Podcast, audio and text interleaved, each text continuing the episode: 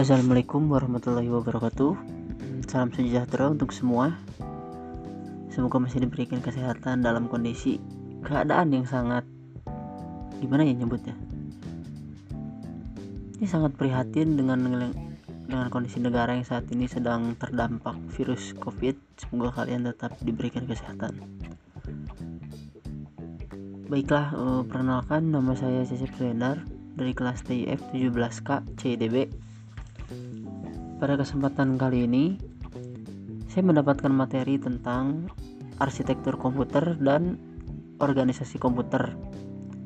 Yang lebih tepatnya akan membahas perihal tentang arithmetic logic unit, control unit memory, dan input device menurut John van Neumann. Nah, di sini ada berarti ada tiga bahasan yang akan kita bahas. Yang pertama yaitu arithmetic logic unit. Uh, sebelumnya pasti kalian sudah sangat familiar dengan arsitektur komputer dan organisasi komputer, tapi pada kali ini saya akan menjelaskan kembali apa sih yang disebut dengan arithmetic logic unit. Nah, arithmetic logic unit tersebut merupakan salah satu bagian yang ada pada bagian prosesor yang berfungsi untuk melakukan operasi hitungan aritmatika dan logika seperti operasi penjumlahan dan pengurangan. Sedangkan untuk logika itu berhubungan dengan logika n dan logika OR.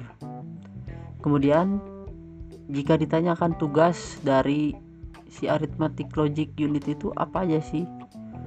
Tugasnya yaitu melakukan semua perhitungan aritmatika yang terjadi sesuai instruksi program. Nah, kemudian komponen ALU tersebut berfungsi untuk melakukan operasi aritmatika ini disebut adder. Kemudian tugas lainnya dari arithmetic logic unit yaitu melakukan operasi logika di mana operasi logika itu meliputi perbandingan dua buah elemen logika yang menggunakan operator logika yaitu sama dengan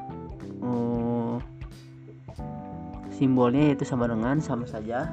Tidak sama dengan kurang dari kurang atau lebih dari lebih besar dari lebih besar atau sama dengan dari. Nah sebenarnya di sini itu harusnya ada simbol untuk menjelaskan contoh dari logika tersebut. Dari 1 sampai 6 berhubung saat ini kita menggunakan suara jadi tidak bisa digambarkan. Jadi untuk selanjutnya kalian bisa men-searching simbol-simbol apa saja yang digunakan untuk contoh tersebut. Kemudian bahasan selanjutnya yaitu unit control. Apa sih fungsinya? Fungsi utamanya yaitu mengatur jalannya program. Nah CPU sendiri bertugas mengontrol komputer sehingga terjadi sinkronisasi kerja antara komponen. Sama halnya dengan unit kontrol yang berperan sebagai instruksi-instruksi dari memori utama untuk menentukan jenis instruksi yang benar.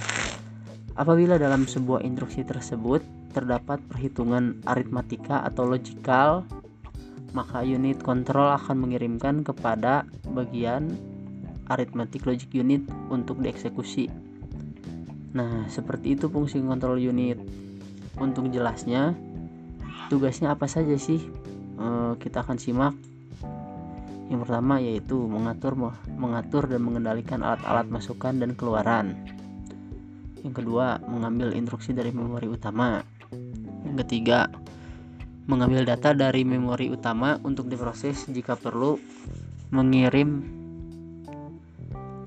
mengirim instruksi ke arithmetic logic apabila mendapat instruksi perhitungan atau logika. Kemudian menyimpan hasil proses ke dalam memori utama. Nah, sampai pada materi terakhir kita akan membahas bagian input dan output device. Yang pertama, apa sih itu input device?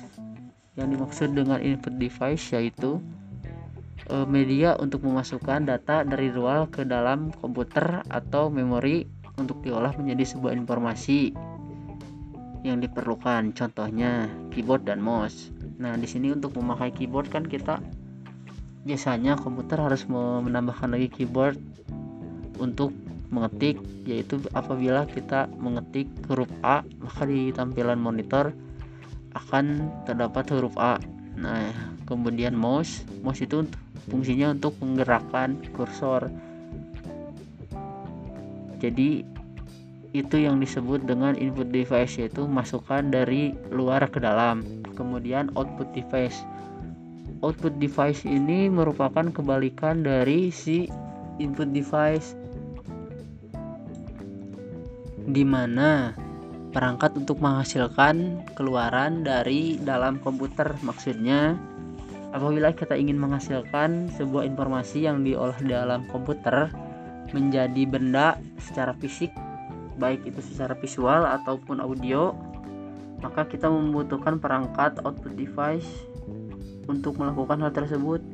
Contohnya seperti printer proyektor speaker monitor dan masih banyak lagi. Nah dari ketiga materi tersebut uh, sudah saya jelaskan apabila para pendengar masih kurang paham atau tidak mengerti bisa melakukan searching Google ataupun bertanya kepada ahlinya karena saya di sini juga masih proses belajar.